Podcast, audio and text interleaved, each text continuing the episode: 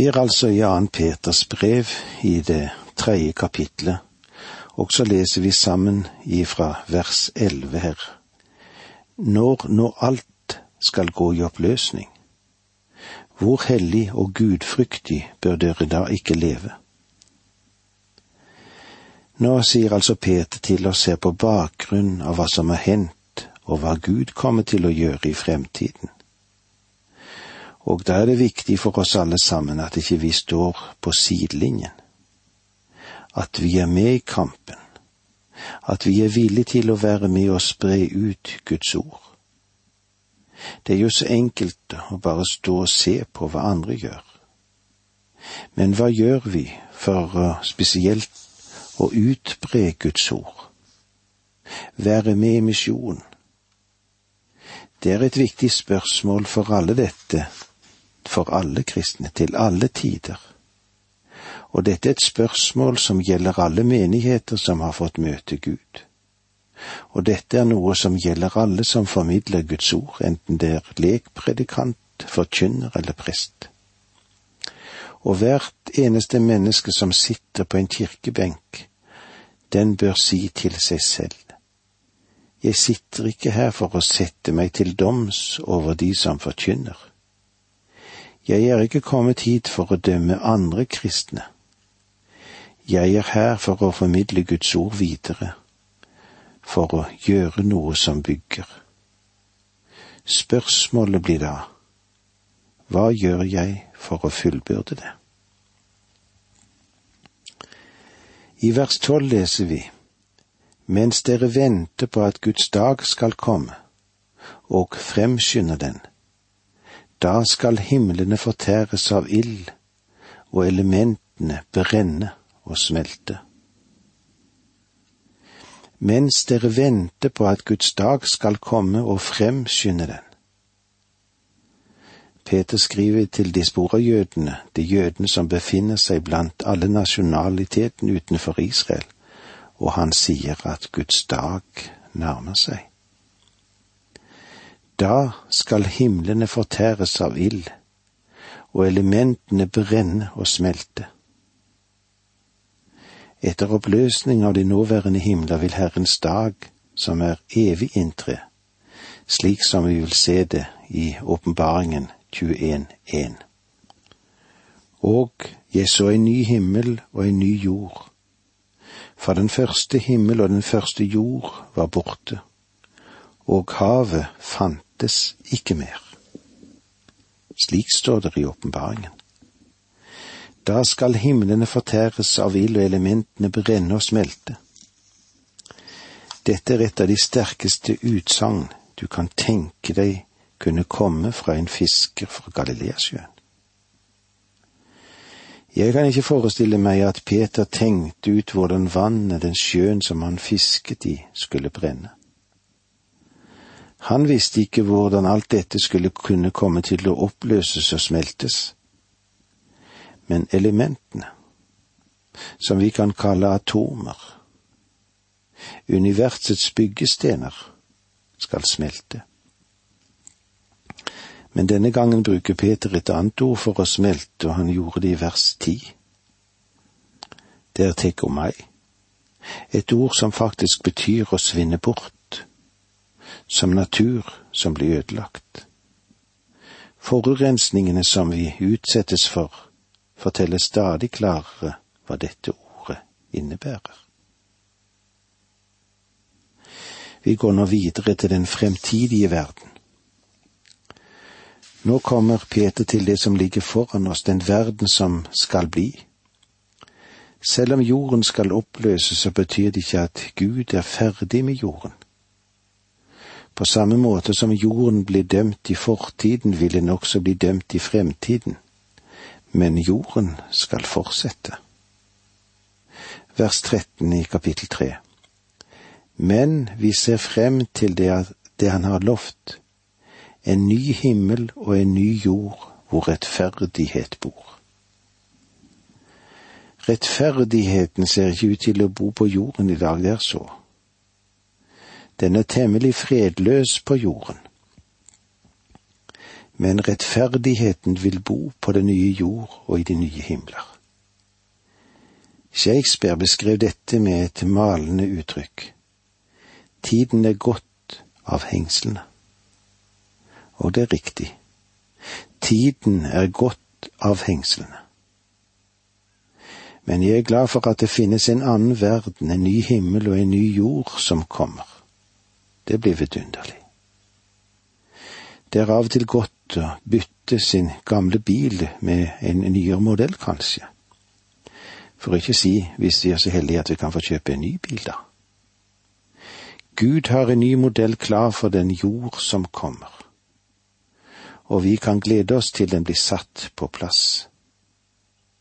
Det vil bli en vidunderlig verden, fordi den skal karakteriseres som rettferdighet, og det vil være en jord der rettferdigheten faktisk bor men vi ser frem til det han har lovet, en ny himmel og en ny jord hvor rettferdighet bor. Guds rike består i rettferd, i fred og i glede i Den hellige ånd. Derfor skal i Guds vidunderlige nye verden, på den nye jorden, der skal rettferdighet bo. Ja, den bor der presen som den evige nåtid. Hva med synden? Jo, synden er en saga blott. Ingen skal gjøre noe vondt for hele mitt hellige berg, som det står i Jesaja. De frelste fra alle folkeslagene har bare ett ønske, å gjøre det deres himmelske Fars ønske er og vilje er. Synden som har gått som et mareritt i verden, vil ikke bli tillatt, og det vil være borte. I et fornyet univers vil fallets ødeleggelse bli bøtt med den herlige gjenopprettelsen. Det tapte paradis vil bli det gjenvunne paradis. Guds vilje skal endelig skje, som i himmelen, så òg på jorden. I brevet som Peter skrev først til oss, begynte med en betagende skildring av det kristne fremtidshåpet. Og så får vi her da mot slutten av dette brevet, får vi det herlige løftet komme frem, det salige evighetshåpet. Og det er en påminnelse, det, til oss alle, som har fått lov å fatte tro og tillit til Gud. I det fjortende verset leser vi Fordi dere venter på dette, mine kjære, skal dere legge vind på å bli stående for ham med fred, uten flekk og lyte. Fordi dere venter på dette, det vil si siden vi vet at jorden og all dens herlighet skal brenne opp, så innser vi hvor viktig et liv i Guds frykt er her og nå. Vi skal leve et hellig liv, et liv atskilt fra Gud. Hva er det som egentlig er av verdi på denne kloden? Hva er den langsiktige målsetning? Hva er din langsiktige målsetting? er du en produktiv kristen som beveger deg mot et verdig mål. Det finnes mye som er verdifullt, og som vi som kristne har ansvar for, både familie og samfunn. Men nå påstår Jesus at faktorenes orden ikke er likegyldig. Han sier at vi skal sette Guds rike først Først da kommer alt annet i rette perspektiv. Fordi dere venter på dette, mine kjære, skal dere legge vind på å bli stående i ham med fred, uten flekk og lyte. Og med disse ordene må vi si takk for nå, må Gud være med deg. Dette undervisningsprogrammet består av to deler. Åge Nevland fortsetter nå med andre del av dagens undervisning. Vi er nå i avslutningen av Peters andre brev. Vi skal være tålmodige i striden. Vi skal kjempe videre mot den sak han har satt oss inn i. Og det vi kommer innom nå, er at det er en påminnelse til oss kristne. Fordi dere venter på dette, mine kjære, skal dere legge vind på å bli stående for ham med fred, uten flikk og lyte. I det femtende verset i kapittel tre her i andre Peters brev leser vi, og når Herren i sitt tålmod dryger med å komme, skal dere se det som en mulighet til frelse. Det samme har jo også vår kjære bror Paulus skrevet til dere ut fra den visdom som er gitt ham.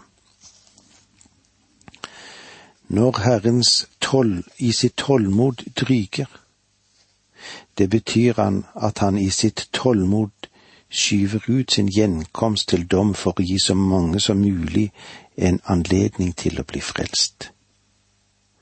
Vår tålmodighet og evne til å vente, den er en mental tilpassing, det til den foreliggende verdenssituasjon. Men vi behøver ikke kjenne oss alarmert i dag.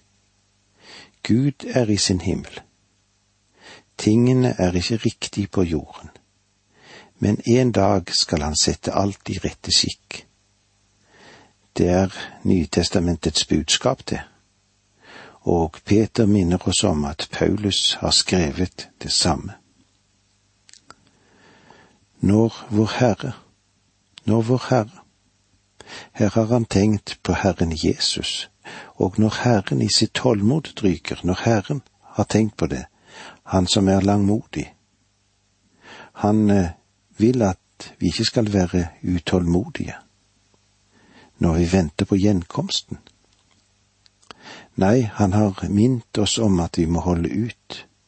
Vi må passe på, akte på Herrens langmodighet eller langsomhet for frelse. Dette må ikke bare bli noe teoretisk for oss alle sammen. Vi må være klar over at det er en allmektig Gud vi har med å gjøre. Det skal være en erkjennelse som gir seg utslag i det praktiske liv til.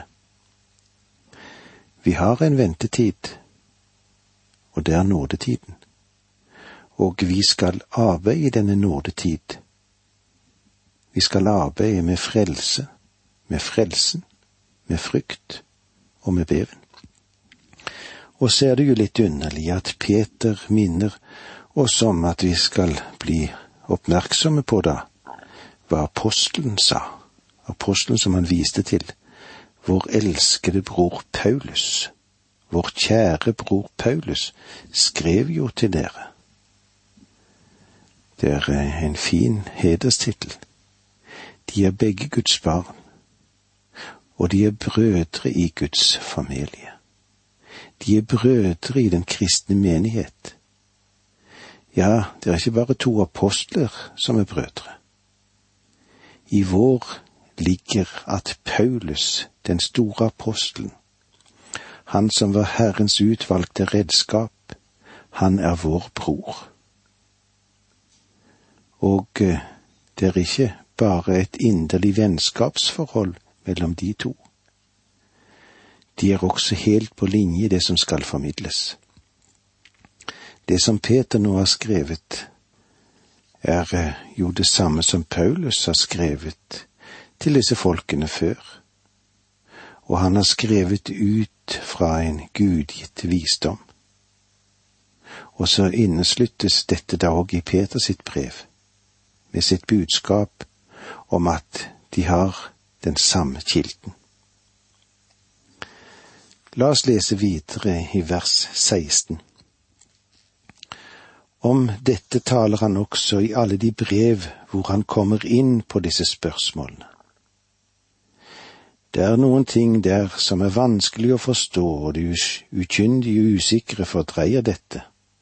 Det samme gjør de også med de andre skriftene. og det blir til deres egen undergang. Peter, han sier at det Paulus skrev, var skriftmessig. Og så sier han at Paulus skrev for å gi sannheten en dybdedimensjon. Og i sannhet kan det sies at det er et stort dyp i det Paulus har skrevet. Men eh, jeg tror ikke at Peter ligger så langt tilbake i sine epistler. I vers 17 leser vi slik.